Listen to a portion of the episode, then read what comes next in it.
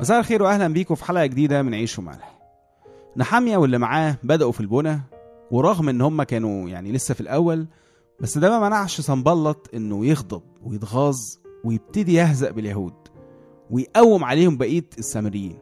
وده ورانا إزاي الشيطان بيهيج لما بيعرف إننا بناخد أي خطوة في طريق ربنا وإن مقاومته دي بتثبت لنا أكتر إننا ماشيين صح وإن العمل الصغير ده في يوم من الأيام هيبقى حاجة كبيرة هتعلن هزيمة الشيطان من جديد.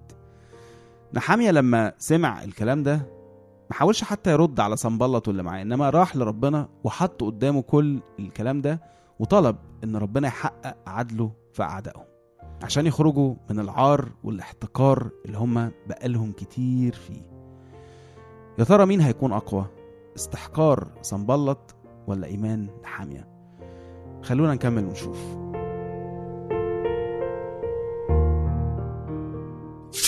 راديو ملاح.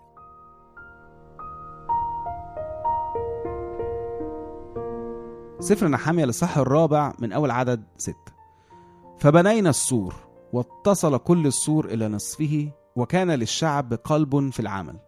السور بقى كله اتوصل ببعضه ووصل لنص ارتفاعه.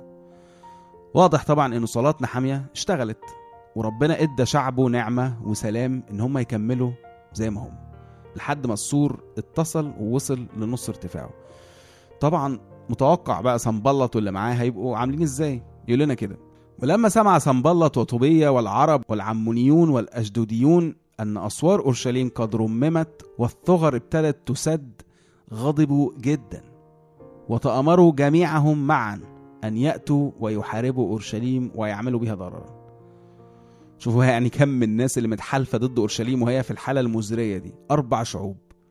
طب نحامي يعمل إيه؟ يقول لنا كده. فصلينا إلى إلهنا وأقمنا حراسا ضدهم نهارا وليلا بسببهم. مش مهم بقى هيحصل إيه بعد كده. خلاص خلصت. من أول كلمة فصلينا. ما قالش خلاص أنا صليت مرة بقى فالمفروض ربنا يكمل. أو يعني إحنا لو ربنا معانا مش المفروض نواجه أي مشاكل. فممكن كان يشوف كده ويقف زي ما عملوا لو نفتكر في سفر عزرا. لما أول ما لقوا مقاومة وقفوا. لا الموضوع بقى كان مختلف عند نحامية لأن الصلاة عند نحامية كانت أسلوب حياة. عملية مستمرة كل يوم وفي أي مشكلة بتقابله. عشان هو عارف إن من غير الصلاة دي أي حاجة هيعملها مش هيبقى لها أي قيمة. في مزمور 127 العدد الأول يعني كلنا يمكن عارفينه يقول كده إن لم يبني الرب البيت فباطلا يتعب البناؤون. إن لم يحفظ الرب المدينة فباطلا يسهر الحارس. وعشان كده هو أي حاجة بيعملها بيبتديها بربنا بيحطها قدام ربنا ويشتغل بقى بعد كده. وعشان كده لو شفنا بقى هنلاقي إن هو يقول فصلينا وبعدين في نفس الآية يقول وأقمنا حراسا ربنا هيبارك في إيه؟ لو أنا مش مديله حاجة يباركها. ايا كان التقدمة أو الوقت أو المجهود أو العمل. ايا كان اللي هتعمله طالما أنت مدخل ربنا فيه فأكيد العمل ده هينجح. زي ما شفنا نحامي قال في الإصحاح الثاني عدد 20 إن إله السماء يعطينا النجاح ونحن عبيد نقوم ونبني. النجاح هو ربنا اداهولنا خلاص. المهم إن إحنا نقوم بقى ونبني. اعمل أنت الحاجة اللي هو هينجحها دي. لأنه عملك ده أنت عارف خلاص إنه مش سبب النجاح. أنت عرفت إن ربنا هو اللي مدي النجاح والنعمة. إنما عملك دلوقتي بقى إثبات على إيمانك إن ربنا هيديك النجاح. مهما كانت الصعوبات أو التحديات. في المزمور الأول برضو داود يقول كده عن اللي ماشي مع ربنا كل ما يصنعه ينجح. طب لو ما صنعتش أي حاجة مش هيكون في نجاح. ليه؟ عشان أنت ما عملتش حاجة ربنا يباركها وينجحها أصلا.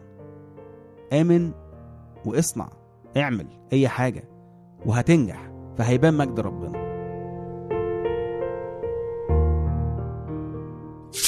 راديو ملاح.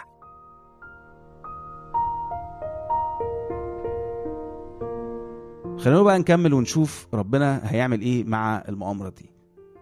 وقال يهوذا سبط يهوذا يعني قد ضعفت قوة الحمالين والتراب كثير ونحن لا نقدر أن نبني السور. ابتدوا يحسوا بالإحباط. وقال أعداؤنا لا يعلمون ولا يرون حتى ندخل إلى وسطهم ونقتلهم ونوقف العمل. المؤامرة هي ابتدت تشتغل. ولما جاء اليهود الساكنون بجانبهم قالوا لنا عشر مرات من جميع الأماكن التي منها رجعوا إلينا. يعني اليهود بقى اللي عايشين جنب السامريين قالوا لهم على المؤامرة دي إن هم هيجوا لكم من كل حتة.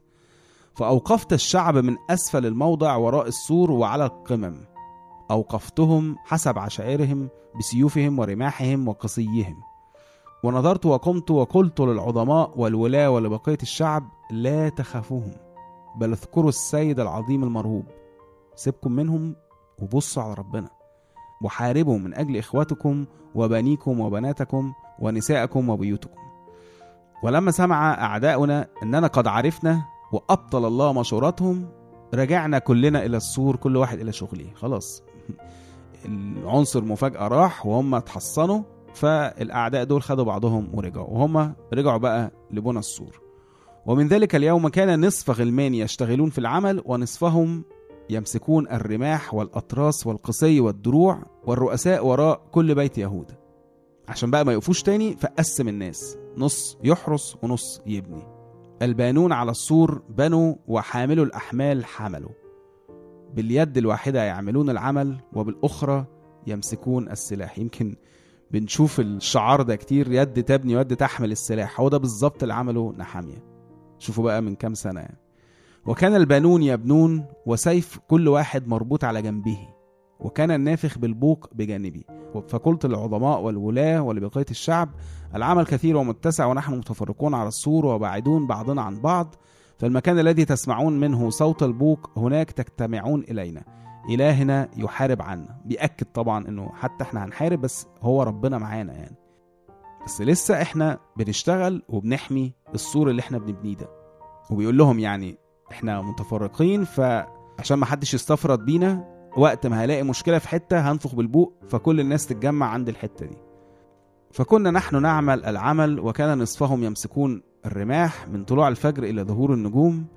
وقلت في ذلك الوقت أيضا للشعب ليبت كل واحد مع غلامه في وسط أورشليم ليكونوا لنا حراسا في الليل ولا العمل في النهار. ولم أكن أنا ولا إخوتي ولا غلماني ولا الحراس الذين ورائي نخلع ثيابنا. كان كل واحد يذهب بسلاحه إلى الماء. شوفوا بقى الالتزام والصحوة اللي هم كانوا فيها رغم إن هم عارفين إن ربنا معاهم. بس الحراسة والعمل بتاعهم كان مبني على الأمانة إن هم ينفذوا دعوة ربنا ليهم. وعشان لما يعملوا كده ربنا هو كمان هيبارك وهينهي عملهم ده بنجاح. وبيخلص اللي صح على كده مؤامرة جديدة بتفشل. ومغامرة جديدة لنحامية ربنا بينجحه فيها. هي دي الحياة مع ربنا. يعني زي ما بتتفرج على أي مسلسل للبطل اللي بتحبه بتشوف إن مهما كانت الأخطار اللي هتقابله بس النهاية دايما معروفة. البطل هينجح وهينتصر. في كورنثوس الثاني الصح الثالث بولس يقول كده في عدد 18 ونحن جميعا ناظرين مجد الرب بوجه مكشوف كما في مرآة. نتغير إلى تلك الصورة عينها من مجد إلى مجد. كما من الرب الروح. طالما بصينا على ربنا كل حياتنا هتبقى من مجد إلى مجد. مغامرات كلها آخرها انتصارات. مفيش أي مجال للفشل. نشوفكم الحلقة الجاية. راديو ملاح.